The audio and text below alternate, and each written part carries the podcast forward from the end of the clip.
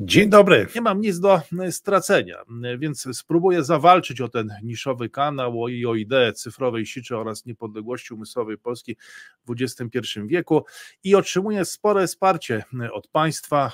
No, są to spore takie datki jednorazowe, więc ten miesiąc na pewno uda się przetrwać, no ale problem polega na tym, że po lutym będzie marzec, po marcu będzie kwiecień, a później będzie maj i tak dalej, i tak dalej, więc jeżeli nie jest Wam obojętne, obojętna. Właśnie ten geopolityczny stand-up dla ludzi o mocnych nerwach z dala od powagi świata realu i mainstreamu. Jeżeli uważacie, że są potrzebne tego typu niszowe kanały, nie tylko w roku smoka, ale w ogóle e, e, w dłuższej perspektywie, to wielka prośba o mniejsze wsparcie, ale bardziej regularne, bo to nam pozwoli planować, to nam pozwoli egzystować. Tutaj wiele już drgnęło, jeśli chodzi o ten Patronite, a cel jest konkretny, chodzi o to, żeby dozbierać jeszcze już teraz poniżej tego 1800 zł, bo część z Państwa przekazała swoje wsparcie i za to bardzo, bardzo dziękuję. Już nam brakuje niecałe 1800 zł do końca lutego i no, będę walczył, proszę Państwa, mam nadzieję, że ten cel uda się, uda się e, osiągnąć. No ale teraz przejdźmy do Władimira Putina, bo on jest najbardziej, e, najbardziej interesującą postacią w polskim internecie, najbardziej interesuje chyba e, wszystkich. Kiedy tylko pojawia się Putin, wtedy pojawiają się zasięgi, wtedy pojawia się zainteresowanie, ale ponieważ dużo będzie o Rzeczpospolitej, proszę Państwa, dzisiaj no to pierwsza uwaga też będzie miała z nią związek, a konkretnie z pewnego rodzaju kulturą polityczną, która opiera się w dużej mierze na statusie, na wizerunku, na tym, co wypada, na tym, co nie wypada i też na pewnego rodzaju świętym oburzeniem. I tak jest też w przypadku tego wywiadu, który daje wręcz wymarzoną okazję do tego, żeby to święte oburzenie zaprezentować. No ale tak się składa, że nie zmienia to faktu, że wszyscy ten wywiad komentują, analizują, a na końcu, a najlepiej już na początku wyrażają właśnie to święte e, oburzenie, jakie to było obrzydliwe i że w ogóle do tego nie powinno dojść. Mowa tutaj oczywiście o tej, nie wiem czy można nazwać to rozmową e, Władimira Putina z Tuckerem Carlsonem. No dobrze, proszę Państwa, żeby tej tradycji stało się zadość, to powiedzmy to głośno. Tak, to było obrzydliwe. Miejmy to już za sobą, to było żenujące. A teraz e, do rzeczy. No, zdenerwuje wielu z Państwa, ale to, proszę Państwa, są komentarze dla ludzi o mocnych nerwach. Na to się umawialiśmy, przynajmniej część z Państwa, która tutaj nieprzypadkowo e, w tą miniaturę kliknęła i na tym kanale się zjawi, o tym wie. Będzie nerwowo, będzie nerwowo. Ten, proszę Państwa, zdenerwuje wielu z Państwa, ale świat to jednak nie jest pierwsza Rzeczpospolita. Wiele ludzi na świecie, Afrykajczyków, Indusów, Azjatów, Latynosów, w ogóle może nawet nie wie, y, że było coś takiego jak Rzeczpospolita obojga narodów, że istniał taki y, kraj jak pierwsza Rzeczpospolita, który miał swoją unikalną też kulturę e, polityczną. I myślę, że duże tutaj są różnice również z podejściem anglosaskim, gdzie w centrum tej kultury jest to, co nazywa się dealem. Nawet Donald Trump napisał na ten temat e, książkę Art of the Deal, Art of the Deal. I wydaje mi się, że z tej tradycji, a nie z tradycji pierwszej Rzeczpospolitej, gdzie coś wypada, czegoś nie wypada, gdzie jest powiedziałbym takie nawet bliskie azjatyckiemu podejście twarzy, pewnej reputacji, statusu. To czegoś takiego wydaje mi się w dużo mniejszym stopniu to funkcjonuje w świecie anglosaskim, którego Tucker Carlson jest moim zdaniem no, dosyć do, jest reprezentatywnym przypadkiem. E, e, fame, proszę Państwa, sława, rozpoznawalność, zasięgi, zdaje się, że też promocja nowego projektu. E, to wszystko chyba było celem Tuckera Carlsona, który chciał osiągnąć dzięki tej rozmowie. Zrobił z siebie no, no pajaca, no powiedzmy tak y, po środkowej Europie, czy po polsku właściwie, czy bo to też trudno mówić o środkowej Europie, no bo cały czas pojawiają się Węgry, może tam jest trochę inna e, perspektywa. E, zrobił się pajaca pewnie w takich krajach jak Polska, tak, natomiast w Stanach już niekoniecznie, a u latynosów, czy w ogóle w tym świecie pozaeuropejskim, to już jest w ogóle inna historia, musielibyśmy na ten temat nagrać inny komentarz. Cel osiągnął, Najwyraźniej tak cel osiągnął, ale proszę Państwa, zostawmy już tego nieszczęsnego Carsona, z którym uważam, że to my mamy problem, a odnoszę wrażenie, tak przeglądając gdzieś tam komentarze, że to Carlson ma jakiś problem. Natomiast ja uważam, że to my mamy problem z Carlsonem, bo, bo takich ludzi na Zachodzie jest i zawsze będzie wielu. E, więc e, to nie jest tak, że Carlson jest tutaj jakimś ewenementem. Tacy ludzie się pojawiają i to będzie, to jest jakby chyba, wydaje mi się, że powinno być dla nas oczywiste, że, że to jest pewnego rodzaju stały fragment gry, no wyzwanie, które będzie się powtarzać. Jak nie będzie Carlson, tak, Tucker Carlson, no to będzie ktoś inny bardzo podobny. I zresztą tacy już byli w przeszłości, więc więc zamiast tego świętego oburzenia, proszę Państwa, rodem z pierwszej Rzeczpospolitej, że to jest obrzydliwe, że nie wypada, że tak nie można, po prostu musi się narodzić w Polsce jakaś trzeźwa, chłodna, pragmatyczna refleksja, może też i innych marginalizowanych dotychczas grup i stanów w pierwszej, drugiej i także w trzeciej Rzeczpospolitej, bo inaczej to obawiam się, że będziemy kończyć cały czas na świętym oburzeniu. Będzie się pojawiać to święte oburzenie i będzie się pojawiać kolejny Tucker Carlson. Będzie święte oburzenie, a potem się będzie pojawiać jego kolejna reinkarnacja i tak w kółko. E, no dobra, ale zostawmy tego Carlsona i przejdźmy do Putina, bo ten osiągnął trzy moim zdaniem sukcesy. Po pierwsze, no, osiągnął ten sam sukces co Carlson. Na tym polegał ten deal, czy art of the deal, czy ta sztuka tego e, dealu. E, no, wielki hype, mówiąc język modern Polish, mówiąc współczesnym językiem e, polskim.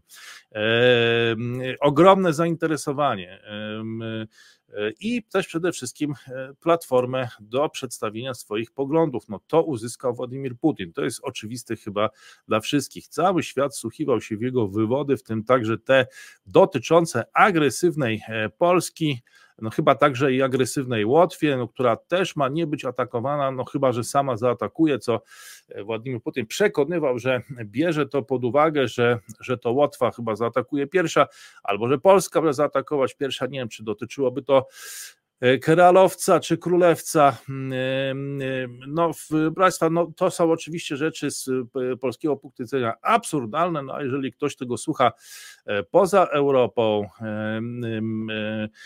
a nawet słucha tego w Stanach Zjednoczonych, to jak się okazuje, wcale takie absurdalne już być nie musi. E, więc jakby moim zdaniem argumentum ad absurdum e, tutaj niekoniecznie może e, działać, bo pamiętajmy o tym, jeszcze raz to przypomnę, chociaż Państwa może zdenerwować przypominanie tego banału, że jednak cały świat a to nie pierwsza Rzeczpospolita, ani nawet nie druga, ani nawet nie trzecia. Po drugie, e, sukcesem, który osiągnął Władimir Putin jest możliwy efekt domina. No teraz mogą się pojawić kolejni dziennikarze, mogą się pojawić kolejne wywiady. No bo zawsze będzie można powiedzieć, że Tucker Carlson był e, pierwszy, promował tam swoją nową platformę mediową. E, nie jest to dziennikarz z Fox News, jak mówiłem, bo on zakończył współpracę z Fox News, no ale jest to mm, jakoś tam człowiek, który kręci się wokół mainstreamu amerykańskiego, bo mówi się o nim, że ma być wiceprezydentem nawet Stanów Zjednoczonych. Jest tam gdzieś w plotkach, pojawia się jako kandydat na to stanowisko. E, no to teraz mogą być kolejni dziennikarze, mogą być kolejne rozmowy, kolejne wywiady. No oczywiście, jak sam Putin będzie tego chciał i miał na to czas i ochotę. On znalazł się teraz w takiej pozycji i proszę Państwa, bo jednak wojny nie wygrywa się poprzez wywiady czy poprzez tweety, tak jak mam wrażenie, że wiele osób w Polsce myśli, że to się zdecyduje, proszę Państwa, w wywiadach, że wyjdzie Władimir Putin, on przedstawi swoją e, wizję i to po prostu będzie decydowało. To może oczywiście pomóc, no ale teraz rzeczywiście Putin znalazł się w lepszej sytuacji, bo bo już nie jest izolowany. No, pewna granica tutaj pękła, przestała istnieć. Tucker Carlson to spowodował i teraz Putin może tym grać, jeżeli uzna, że to jakby jest na jego korzyść. Trzeci sukces Putina. Tu, proszę Państwa, uwaga, bo to już będzie wymagało mocnych nerwów. To, co teraz powiem, e, to jest, jeszcze raz podkreślam, to podcast i kanał dla ludzi o mocnych nerwach. Ostatnio musiałem niestety zbanować kilka e, osób na Twitterze, które wygrażały mi, że już nie będą obserwować e, więcej tego kanału, że nie wytrzymują tego nerwowo. No to niestety to, po prostu poszedłem już na rękę i, i zbanowałem e, te osoby, no bo po co się męczyć, więc jest jeszcze okazja, żeby się wycofać. I teraz tak, trzeci sukces Putina moim zdaniem, no to Putin zrobił idiotę z Carlsona. E, zrobił idiotę z Carsona i to w taki sposób, że on pewnie nie zdaje sobie z tego dzisiaj może nawet sprawy. A jak mu to ktoś z Europy Środkowej może nie z Węgier, nie ze Słowacji, ale jak mu ktoś to będzie w stanie wytłumaczyć, no to on sobie policzy zasięgi, fame, zainteresowanie i pewnie generalnie mu wyjdzie, że na tym dealu to i tak zyskał, e, więc no, no, no raczej może raczej nie będzie tego rozpatrywał w tych kategoriach. Ale teraz dlaczego Putin zrobił z niego moim zdaniem idiotę. E, no, dlatego, że wykazał dwie rzeczy, że wszystkie spory mają głębokie podłoże historyczne. Przedstawił Putin to oczywiście na swoją korzyść, tam wiele rzeczy ponaciągał, a oczywiście może nawet nie sam Putin, bo to cały zespół pracował e, pewnie nad tym wywiadem i tak to wymyślono, on tylko zrealizował tą, tą taktykę, więc Rosjanie po prostu pokazali, że Carlson jest totalnym historycznym ignorantem. On się pewnie tego zupełnie nie spodziewał, natomiast te wywody Putina dotyczące Chmielnickiego, w ogóle Rzeczpospolitej, o której zaraz jeszcze powiem, e, i i ta cała historyczna otoczka, e, no, pokazała, że on po prostu nie zna historii regionu i że nie wie o co chodzi. Nic po prostu nie wie. XIII wiek myli mu się z XVIII, a pierwsza wojna z II wojną światową. E, ten cel jakby tutaj Putin e, osiągnął. A mówimy, proszę Państwa, jeszcze raz to podkreślę i jeszcze raz to powtórzę, no nie o dziennikarzu Fox News, jak wczoraj mogłem w jednym fragmencie tego komentarza mylnie zasugerować, bo on odszedł z Fox News w zeszłym roku, ale no, o kandydacie na wiceprezydenta USA. No to są plotki, oczywiście to się nie musi potwierdzić, ale takie plotki na temat y, Carlsona są. I co pokazał Putin? No pokazał, że ten kandydat na wiceprezydenta, wiceprezydenta Stanów Zjednoczonych tak naprawdę nie rozumie kim byli kozacy, co to jest Ukraina, czym była wielonarodowa Rzeczpospolita, czym był ten region w ostatnich kilkuset e, latach. Po prostu nie ma o tym kompletnego pojęcia. To ten wywiad pokazał. Miało być, moim zdaniem, to tak, że to Carlson miał Właściwie, gdyby to był taki wywiad, to Carlson próbował, powinien dociskać Putina, to on powinien go obnażać, a tymczasem sam został przez Putina i ten zespół, który to przygotował, obdarzony jako kompletny historyczny ignorant. Tak szczerze mówiąc, to mam takie obawy, że my w Polsce też nie do końca rozumiemy, czym była Rzeczpospolita, no z racji tego, że historia też mam wrażenie, że u nas nie koncentruje się na nauce mechanizmów tych e, w polityce międzynarodowej, tylko bardziej kształtuje w nas przede wszystkim postawy patriotyczne, e, co powoduje, że też nie do końca chyba rozumiemy, mm, czym to państwo było, ale to już może zostawmy na inną dyskusję. Ja osobiście ograniczę się tylko do jednego stwierdzenia, że gdybym miał na to jakiś wpływ, też jestem ciekaw Państwa opinii, to uważam, że w podstawówce powinno kształtować postawy mm, mm, patriotyczne, ale już od liceum powinno się uczyć myślenia e, i powinno się e, pokazywać mechanizmy, e, nie, nie skupiając się na tej, na tych mniejszym, bardziej skupiając się na rozumieniu niż na kształtowaniu postaw w takim rozumieniu tyrteńskim, czyli mobilizowaniu, motywowaniu ludzi i tak dalej. No ale dobrze, tutaj to, co pokazał Putin, no to to tą ignorancję historyczną no, kandydata na wiceprezydenta USA, przynajmniej takim, o którym się mówi. I tu muszę Państwu powiedzieć, dosyć ciekawe jest chińskie e, podejście, akurat które znam z rozmów, bo ono zawsze sięga kilkuset lat. E, nawet to nie jest gdzieś tam patrzenie w perspektywie nawet 200 lat, tylko kilkuset. I, I co ciekawe, oczami Chińczyków to Rzeczpospolita wygląda na kraj, który od czasu Sejmu Niemego, czyli ponad już 300 lat, jest y, imperium, które kurczy się i cofa się pod naporem Rosji. Teraz z tej perspektywy, jeśli Putin złamie wolę Zachodu i powróci do warunków z 2022 roku, to nie wiem, co to będzie. Czy, czy, czy jest jeszcze miejsce, gdzie Polska może się wycofać? Czy może się wycofać za Wisłę? Nie wiem, tam się że warunek będzie taki, że jakieś umocnienia, czy, czy, czy, broń w ogóle na wschód od Wisły, to nie, tylko już na zachód od Wisły i co wtedy dalej będzie? Czy dalej to już będzie Wrocław i ziemie zachodnie, też nazywano odzyskanymi, podarowane przez Stalina, gdzie to jeszcze można się wycofywać, proszę Państwa? No nawet nie chcę o tym teraz myśleć, a przynajmniej dzisiaj nie chcę o tym myśleć. Natomiast to, co Putin chciał pokazać, moim zdaniem, to chciał pokazać, zobaczcie, ten facet jest ignorantem, zaraz może być wiceprezydentem USA. Dla nich to jest 155, może 156 wojna, była Korea, Wietnam, Afganistan, teraz jest Ukraina, a może być i, nie wiem, e, Polska, e, może mogą być, może być, mogą być kraje bałtyckie, może być Morze Czerwone, czy cokolwiek, podczas gdy No, tutaj idzie jakaś walka, e, proszę Państwa, e, która trwa kilkaset lat. To jest to, co też Putin pokazał, moim zdaniem. E, nie wiem, czy my w Polsce tak na to patrzymy. No, może nas to też i rozśmieszać. Za chwilę o tym jeszcze powiem. Ale że tu toczy się to od kilkuset lat. To, to nawiązanie do Chmielnickiego, do czasów właśnie powstań kozackich Oczywiście przedstawionych to w stronniczy sposób, e, no ale nie wiem, no, kto tutaj się spodziewał, że, że no, co miał obiektywnie się wypowiadać, e, doszukiwać się prawdy w tej rozmowie z Tuckerem Carlsonem, który to, proszę Państwa, też e, to druga rzecz, którą zrobił Putin, żadnej koncesji na rzecz Donalda Trumpa. Tego mógł oczekiwać Tucker Carlson, że, co, że kilka ciep, to w ogóle też jest zastanawiające, że kilka ciepłych słów Władimira Putina o Donaldzie Trumpie miały być jakimś uzyskiem politycznym w Stanach Zjednoczonych. Że gdyby Putin powiedział, tak, bo ten Biden to taki jest, no, no sami widzicie, no trudno tam się z nim rozmawia, Trump to jest gość. I to miałoby pomóc, rozumiem, w wyborach prezydenckich w Stanach Zjednoczonych, e, ale nawet tego Putin, e, Putin nie dał Carlsonowi. E, a sam uzyskał platformę do prezentacji swoich poglądów i obnażył, obnażył Carlsona na oczach całego świata, no ale on tam sobie policzył te zyski z zasięgów i, i, jest, i wszyscy są zadowoleni. No i teraz, proszę Państwa, kolejna rzecz, moim zdaniem ciekawa, no, wygląda na to, tak przynajmniej z tej z tego spotkania Władimira Putina z e, Tuckerem Carsonem, że Władimir Putin jakby, jakby bał się Rzeczpospolitej. Proszę Państwa, że dla niego wielką traumą było właśnie Rzeczpospolita, że ona była jakimś koszmarem.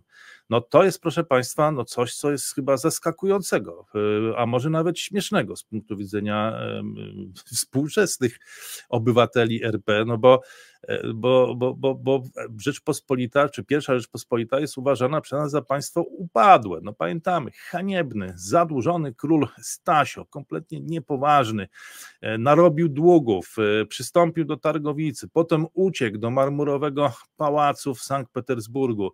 Totalna kompromitacja. E, totalna kompromitacja i też tak jak Chińczycy to postrzegają, czyli w tej chińskim spojrzeniu na historię. Nie takim jak Takera Carlsona, który tam nie wie, co się dzieje, co się działo w ostatnich kursach, to nie jest w stanie nawet zadać żadnego pytania na ten temat. Tylko to, to cofanie się od 300 lat, od czasu Sejmu Niemego, te stronnictwa, te rozbiory, e, i tak już od 300 e, lat. E, I ta Rzeczpospolita jest koszmarem Władimira Putina. Te 300 lat nie wystarczyło? No ja nie wiem. No to, to jest, proszę Państwa, trzeba przyznać, że e, no naprawdę dziwna e, sprawa, e, bo właśnie ze słów kierowanych do chyba nieświadomego właśnie wielu rzeczy Takera Carlsona wygląda na to, że jednym z tych największych koszmarów właśnie była ta Rzeczpospolita. I co ciekawe, no z naszego punktu widzenia to jest zaskakujące, może śmieszne, chociaż trzeba powiedzieć, że dużym sukcesem Rosjan jest to, że duża e, część e, dawniej współtworzących ją sąsiadów, no też uważa, że to były koszmarne czasy. No tak, tak, wydaje mi się, że taki pogląd dominuje na Białorusi. No inna sprawa, że tam jest Aleksander Łukaszenka, ale też ciekaw jestem, jak te sprawy postrzegają zwykli Białorusini, bo nie, nie wiem no na ile opozycja ma tam E, w ogóle jak ona to postrzega i, e, i, jakie ona ma podejście do Rzeczpospolitej, czy ufne, czy nieufne, czy ona się w ogóle z tym utożsamia, bo akurat jeżeli mówimy o szlachcie ruskiej, białoruskiej czy litewskiej, no to, no to oni nie byli wypchnięci gdzieś na margines, tak jak, tak jak Ukraińcy czy Kozacy, no, których po prostu traktowano też, trzeba powiedzieć, niesprawiedliwie, nie płacono im faktur, a Chmielnickiego zwyczajnie skrzywdzono. No, facet nie mógł dojść sprawiedliwości w Rzeczpospolitej. Jego rodzina walczyła w wielu wojnach, przelewała krew i potraktowano go po prostu no, brutalnie, po chamsku, no, zupełnie bez sensu, jak to bywa w w III Rzeczpospolitej również, ktoś nie miał czasu, komuś się nie chciało i gość nie mógł dojść sprawiedliwości. No i potem Władimir Putin pokazuje jego list, że on oddaje się pod opiekę Rosji. No to też są kwestie, które trzeba by wydaje, znaczy nie wiem, już teraz to chyba nie ma na to czasu, ale no nie wiem, mam wrażenie, że chyba jesteśmy gdzieś w swoim świecie i chyba już nic nas nie zmusi do, do, do zareagowania. Tu się już, no nie wiem, co by się musiało stać, żeby mm, żeby nas wytrącić z tego, z tego, z tego, z tej strefy komfortu, tego własnego e, świata, proszę Państwa. No, ja tego na pewno na tym kanale nie zrobię. E, chociaż jest to kanał dla ludzi o mocnych nerwach, ale też nie taki jest jego cel.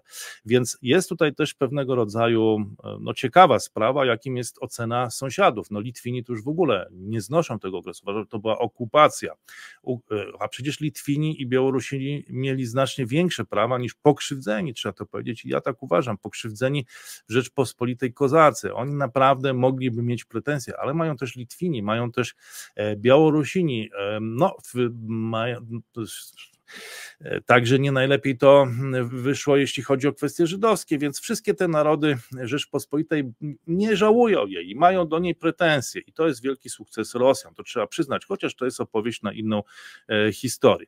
Natomiast to nie zmienia faktu, że mamy uderzającą asymetrię w postrzeganiu tego państwa, czyli pierwszej Rzeczpospolitą przez Rosję i przez współczesną e, Polskę, która jest przecież zupełnie innym krajem. No, trzecia Rzeczpospolita jest czymś innym niż pierwsza Rzeczpospolita. To właściwie można powiedzieć, że została z tego tylko e, nazwa, więc mm, Dlaczego Władimir Putin uważa e, tą Polskę trzecią RP za zagrożenie i dlaczego, może nie, no to, to że trzecią RP za zagrożenie, to zaraz o tym powiem, ale czemu ta pierwsza RP, pierwsza Rzeczpospolita mm, była takim dla niego koszmarem, gdzie, gdzie w Polsce uważamy, że to była totalna porażka. Skończyło się to totalną porażką. No to tu jest olbrzymia asymetria tego królestwa i tutaj naprawdę bez pół litra nie nazbierasz. Po prostu Władimir Putin chyba traktuje ten projekt bardzo poważnie, jako projekt imperialny, po prostu, który był w stanie złączyć, no dzisiaj to się wydaje nieprawdopodobne, ale był w stanie złączyć po prostu obszary różnych, y, y, no, nie wiem, kultur, języków, e, tradycji w jakiś jeden organizm, no, który, jak rozumiem, zagrażał Moskwie, bardzo groźny, niebezpieczny, no bo dzisiaj to czego e, mógłby bać się no, prezydentu? No to naprawdę bez pół litra nieraz bieriosz. No czego mógł się bać? No Andrzeja Dudy nagranego przez rosyjskich komików i to nie raz, ale dwa razy, no to miałoby wbudzić, zbudzić w nim strach. No tu są, proszę Państwa, trzy, moim zdaniem, możliwości. I to wcale nie będzie śmieszne. Nie wiem, czy w ogóle Państwo uważacie, że to jest zabawne, co ja mówię, ale Pierwsza, e, trzy możliwości tej e, asymetro, ta asymetryczność w ocenie. Pierwsza jest taka, że Putin się naprawdę boi. No może to jest uczucie jakieś irracjonalne, może my się z tego śmiejemy, bo sami się e, postrzegamy i uważamy się za nieudaczników, tak też jesteśmy postrzegani w propagandzie rosyjskiej i mam wrażenie, że uwierzyliśmy w nią, że tak na, że, a de facto jest tak, że jesteśmy przedstawiani jako, jako nieudacznicy, ale traktowani bardzo poważnie, jako groźni i niebezpieczni Pamiętacie Państwo pewnie taki film Ogniem i Mieczem Jerzego Hoffmana, to była ostatnia część trylogii i to był jeszcze w czasach, zdaje się, gdzieś tam rosyjskiej smuty, kiedy Rosja no, generalnie opierała się na chwiejnej postawie Borysa Jelcyna, e, no ale nastąpiła dosyć szybka, Rosja się jakoś szybko pozbierała z tego, szybka reakcja rosyjskiego środowiska filmowego, zdaje się Borysa Michałkowa i zaproponowanie e, Michałowi Żebrowskiemu zagrania postaci Żółkiewskiego w 1612 roku. No nie był to film e, jakiś oparty na e, faktach, bardzo tam się elementy baśniowe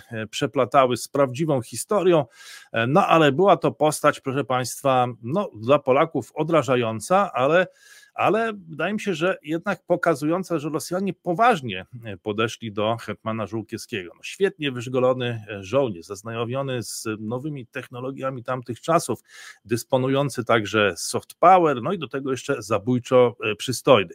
No także oczywiście chciwy i zdemoralizowany, no ale na pewno groźny, niebezpieczny przeciwnik, godny rywal. No to się bardzo w Polsce nie spodobało, bo no bo tam padały wulgaryzmy, przekleństwa i zdaje się, że taki lider, hetman to musi być przede wszystkim postacią moralną, musi walczyć w imię dobra, no to niekoniecznie, no tego oczywiście Rosjanie w ten sposób tak nie przedstawiali, właściwie wręcz przeciwnie, tam jak to w Rosji no bywało na odwrót, tam siłami dobra byli ci, którzy walczyli z tym, z tym hetmanem. Chociaż prawdę mówiąc, zostawmy te Dimitriady i ci Dimitrowie, bo to były już no, kilkaset lat temu, te historie się działy no, różnie było z tymi Dymitrami, ale dobra, no dyskusja w Polsce trochę potrwała. Michał Żebrowski jest y, nadal autorytetem moralnym, zagrał co prawda za dobre pieniądze u Rosjan, ale przecież żyjemy w cywilizacji wolności jednostki, każdy może sam decydować o sobie, a poza tym nie można mylić kreacji artystycznej z życiem, bo to są dwie różne sfery. Aktor ma grać, a nie wnikać w politykę, no chyba, że są wybory, wtedy jest obywatelem tak jak e, każdy. E, no ale dobra, tutaj zamykamy ten wątek e, w którym, w którym no Polska oficjalnie jest jakimś tam śmiesznym państwem, a tak naprawdę jest traktowana jako coś bardzo poważnego. No, trudno nam się z czymś takim tutaj, a może tak na wszelki wypadek mam wrażenie, no trudno jest nam się z tym znaczy, no, może być to zaskakujące, w sumie to chyba nawet nobilitujące, no chyba byłby to jakiś komplement. E, też trzeba chyba w takich kategoriach to rozpatrywać. To jest pierwsza możliwość. Moim zdaniem chyba najlepsza ze wszystkich. Teraz będą coraz gorsze, proszę Państwa. No drugie jest takie, że Rosja w pierwszej możliwości bała się i traktowała bardzo poważnie robiąc taką dobrą minę do złej gry i mówiąc, że tu są niepoważni, są dzieci, niedorośli, ale traktuje poważnie. Z drugiej strony Rosja ma też, w drugiej możliwości też się boi, ma otwarte przestrzenie, więc e, e, no, musi wyprzedzać, musi antycypować, e, musi coś z tym zrobić, żeby nie dopuścić do, do nie wiem, no, do tego, żeby się pojawił jakiś kolejny Żółkiewski. No nie wiem, czy to naprawdę jest możliwe, że on się objawi w III Rzeczpospolitej e, i, i komu się będzie tam chciało iść, proszę Państwa, na tą Moskwę. No ale kiedyś się objawił Bonaparte, byli inni i co jakiś czas gdzieś tam w Europie się pojawiali tacy, którzy zbierali te siły i kierowali się w stronę Moskwy, jak już tam dochodzili, mm, to, to okazywało się, że albo jest bardzo zimno, albo w ogóle już tam nikogo nie ma, no znamy tę historię. No, Żółkiewski tam się też zdaje się jakiś czas utrzymał, ale ale, ale też to się y, nie udało. No i teraz nie wiem, no, bo tak się zastanawiam, no, w, Państwa, no jest tu wielu sympatyków Federacji Rosyjskiej na, na tym kanale. No, działajcie, no co wy, co wy robicie? Po co wam te wojny? No wytłumaczcie to, Yy, co wam nie panrawiłaś? No, co wam się nie spodobało, tak na dobrą sprawę? Dlaczego przemieliliście te kilkaset tysięcy więźniów e, na froncie i po co wam te wojny? No, co jest nie tak? No, naprawdę się boicie III Rzeczpospolitej? E, bo, boicie, no, proszę Państwa, ja tego do końca e, nie rozumiem, no, chyba, że, no nie wiem, no, może to jest ciągła ta obawa przed tym Żółkiewskim, czy Bonaparte, czy już kimś innym, którego nie lubi YouTube, który ruszy w stronę, e, w stronę Moskwy, no naprawdę uważacie, że to potencjalnie może wyjść z trzeciej RP, to zagrożenie? z przywódcami, którzy, z klasą polityczną, która się wyzywa od agentów putinowskich albo niemieckich. No, no dobra, no ale Państwa, teraz e, najbardziej, najgorsza, najgorszy element w tym wszystkim tak naprawdę, najgorszy wariant to jest taki, że absolutnie się Putin nie boi, że tylko tak mówi, że tylko tak sugeruje, może rzeczywiście jest jakaś trauma związana z Rzeczpospolitą i z projektem postrzegany jako projekt imperialny tego regionu, której już nie ma, która się rozpadła. Trzecia RP to w ogóle już jest zupełnie coś innego. Putin sobie tak naprawdę z tego zdaje sprawę.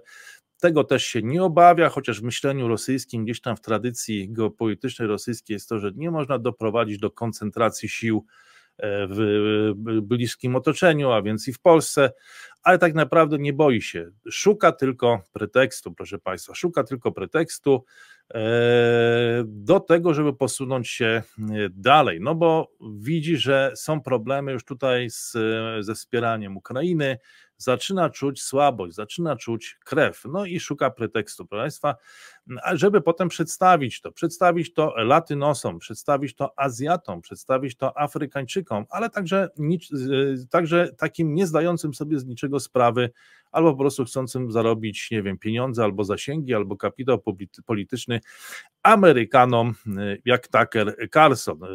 Chce to przedstawić im jako walkę o pokój i powie, no ja chciałem ja chciałem, powie Putin, ale no nie miałem wyjścia, no sami widzicie, są agresywni, atakują, triumfy święci, rusofobia, chcą tutaj restaurować jakieś imperialne projekty w ogóle w tym regionie świata, Prześl... Inna sprawa, jak to Ukraińcy do tego podeszli, to Państwo widzieliście w ostatnich dwóch latach, e, jak się w Polsce pojawiły jakieś tego typu pomysły. E, e, no ale Putin będzie mówił, że prześladuje obywateli RP, próbuje wskrzeszać jakieś imperialne projekty. No sami widzicie, no a oczywiście, proszę Państwa, kto tam będzie wnikał w tym świecie latynoskim, czy afrykańskim, czy, czy, czy nawet anglosaskim, czy taki Tucker Carlson, no to już było widać, że po prostu facet nie wie o co chodzi nie wie, gdzie jest nawet, chyba tak na dobrą sprawę.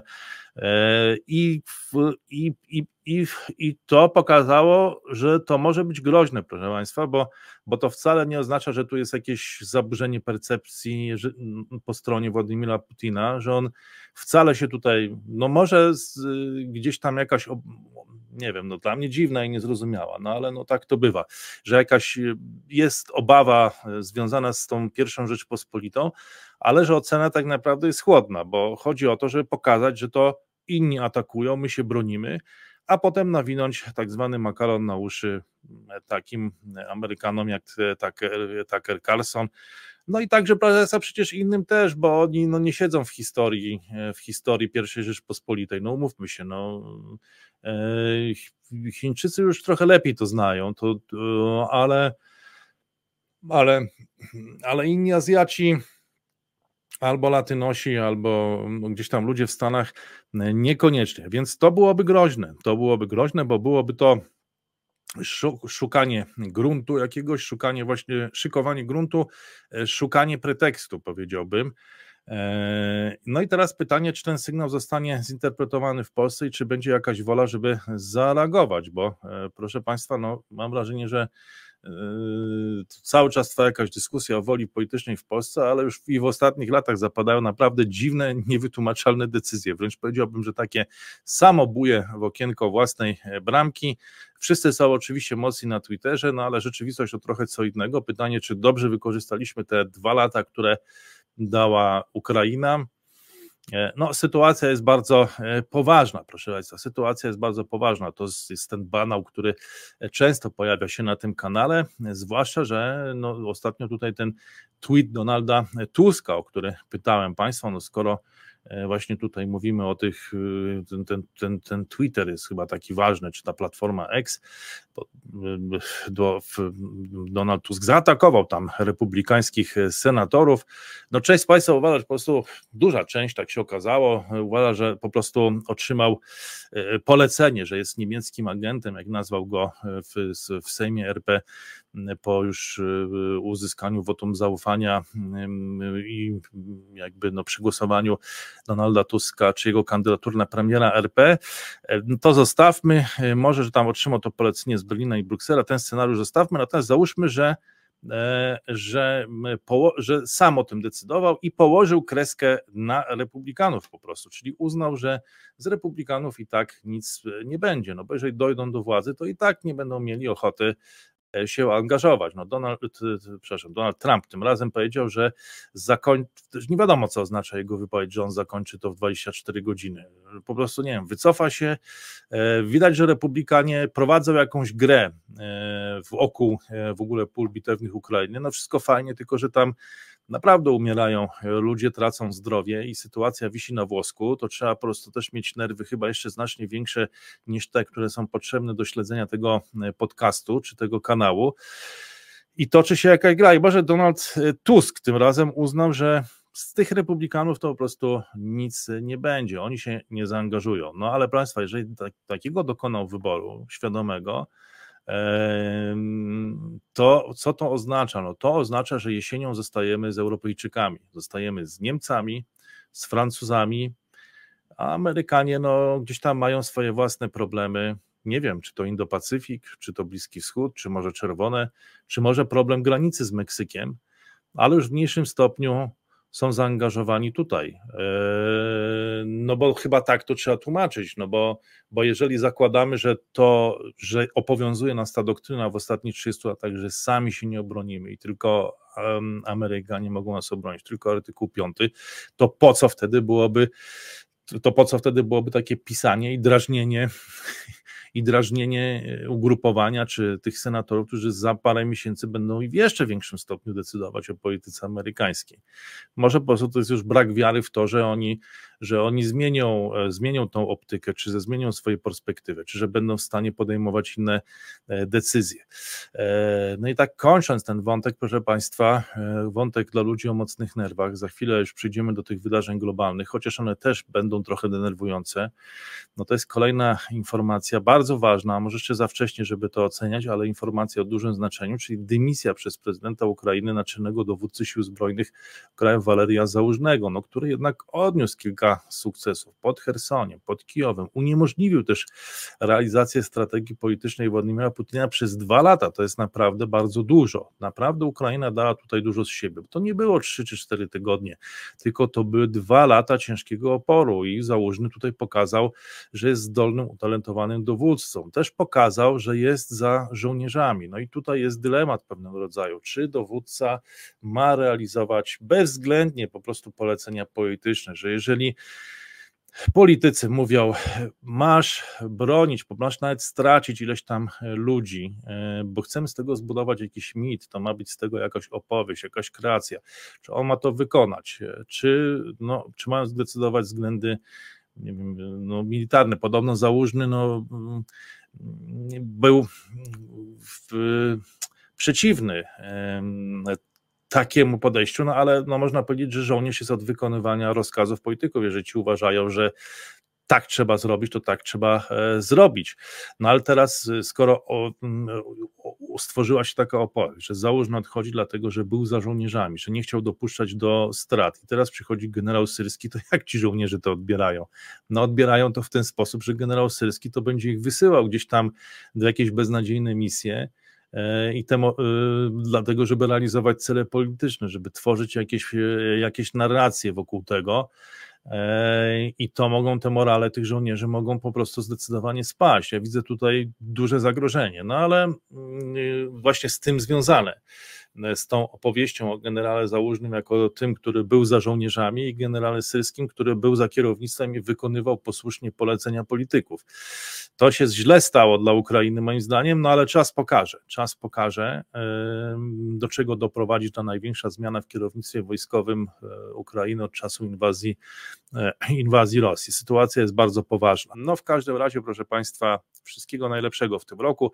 Jeszcze raz dziękuję za wsparcie, jeżeli ktoś dobrnął do końca, to też może wesprzeć e, tą cyfrową sieć, tą formułę e, poprzez jakiś krótki komentarz i certyfikat człowieczeństwa 4.0, ale tak naprawdę to liczę na Państwa regularne wsparcie, które pozwoli nam planować i pozwoli nam przetrwać w tym zmieniającym się ekosystemie, zarówno geopolitycznym, jak i e, technologicznym i w ogóle no, YouTube'owym czy internetowym. Więc bardzo liczymy, że do końca lutego jednak nam się to uda.